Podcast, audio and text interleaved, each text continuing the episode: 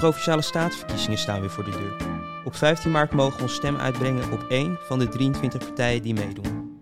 In aanloop naar de verkiezingen praat de orkaan met Zaanse kandidaten. Vandaag praten we met Ernst Debets van D66.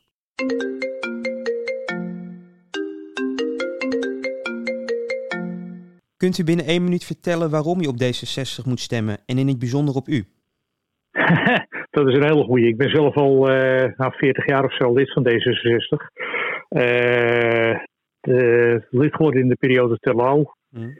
Uh, gewoon gezien de, ja, het, ik heb eens een keer met een medekandidaat erover gehad. En toen zeiden we, ja, als er, als er geen D66 zou zijn, dan zouden we misschien op de linkervleugel van de VVD terechtgekomen zijn. Mm. Uh, we zijn hier nu in Noord-Holland met een aantal goede dingen bezig. Uh, de staat, en dat uh, spreekt mij als van huis uit stedenbouwkundige planoloog behoorlijk goed aan. Daar kan, ik mij beter kwijt in de provincie dan in de gemeente. Alhoewel ik ook op de lijst van de gemeente stond.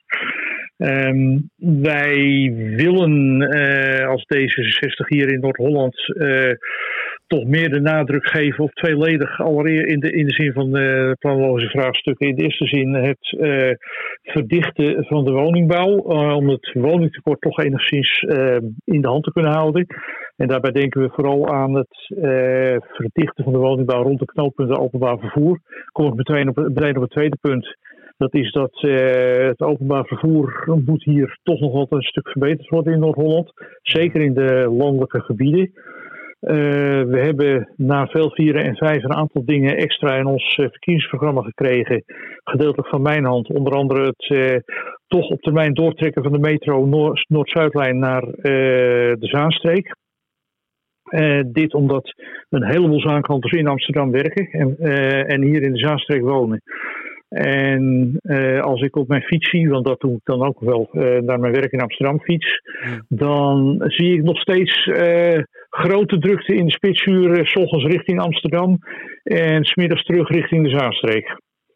En de kwaliteit van het openbaar vervoer is de afgelopen, met name de coronaperiode, schrikbarend achteruit gegaan. Met name de treindienst. En dat behoeft toch wel enige verbetering, denk ik zo. En dan moeten we als provincie, het is wel rijksbeleid, maar dan moeten we als provincie toch ook een rol in spelen.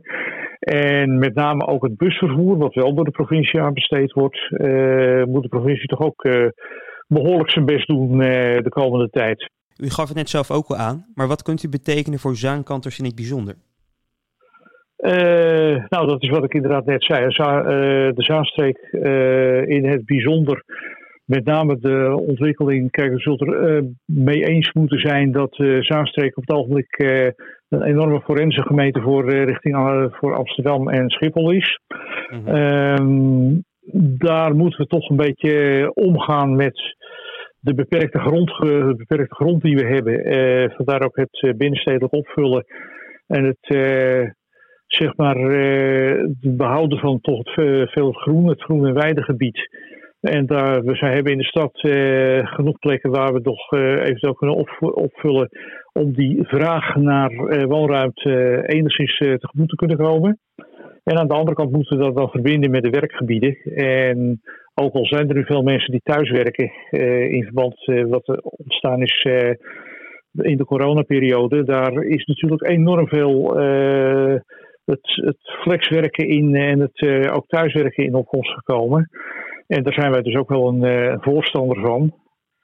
En ja, dat, uh, vraagt, dat, dat zijn dus een aantal dingen die het, uh, de vraag naar mobiliteit hier in, in de Zaanstreek enigszins beperken, zodat we dat ook enigszins in de hand kunnen houden. -hmm. Het partijprogramma stelt dat de gezondheid van de bewoners in de buurt van Tatenstiel en de werknemers de hoogste prioriteit verdient ja, ook inderdaad. Ja, dat is eh, dat zeer zeker. Mhm. En uh, je zult uh, in ja, de, dat Tata Steel, dat is, is natuurlijk een, een heel lang hoofdstuk. En een gebrek zonder, gebed zonder onderhand aan het worden. Ja. Maar dan moet toch ook wel goed gekeken worden wat, wat kan er nog? Of wat moet daardoor Tata Steel nog veranderd worden? Om het inderdaad daar in de omgeving Beverwijk, Wijk aan Zee gezonder te maken. Mhm. En wat is dan de toekomst voor Tata Steel als het aan jullie ligt? Ja, als het aan ons ligt, uh, kijk, ik denk aan iedereen daar zo. Uh, op het moment dat zij uh, wat minder uit kunnen, veel minder kunnen uitstoten, dan mogen ze voor mij daar blijven. lukt dat niet, dan zullen ze toch naar een andere plaats moeten gaan zoeken. Mhm, duidelijk. De leefbaarheid staat onder druk vanwege het aantal vluchten op Schiphol. Maar de regio is ook economisch afhankelijk geworden. Ja, dat is een, leuke, dat is een hele leuke inderdaad. Hoe ziet u de toekomst van Schiphol voor zich? Uh, ja, Schiphol, uh, kijk, laten we e-, even wel zijn. Het, uh, de vliegtuigen worden steeds zuiniger en steeds, milieu, steeds minder milieubelastend. Mhm. wat we nu hebben aan maximaal aantal vluchten mag voor mij, dat kunnen we wel zo laten. Krimp op Schiphol met nadelige gevolgen voor de economie zie ik niet zo zitten. Mhm. Ik denk toch meer dat we moeten gaan zoeken zoveel mogelijk gelijk blijven. Maar, dat teken ik ook bij aan, uh, het gedoe met uh, binnen-Europese vluchten en uh, prijsvechters. Daarvoor zijn we hier niet zitten. Ik, ik, naar mijn optiek moet je dus afstanden waar dat kan, tot over 500 à 750 kilometer, hoef je echt niet te gaan vliegen. Dan kun je volstaan door wat meer te gaan investeren in hoge snelheidslijnen en dergelijke. Mm En Schiphol zal, en dat, zou, dat moet je op Schiphol zelf beter integreren met het huidige intercontinentale uh, luchtverkeer. En dan is dat uh, is prima, is eh, Schiphol prima uh, te houden als, als hub voor intercontinentale vluchten.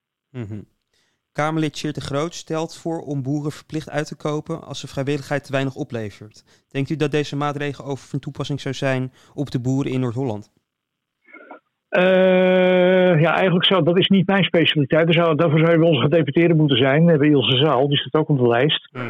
Uh, wat Tjeerd uh, eigenlijk wil, en wat de partij ook eigenlijk wil, dat is ook, ook landelijk beleid, is dat we de boeren meer moeten stimuleren met, voor de kringlooplandbouw.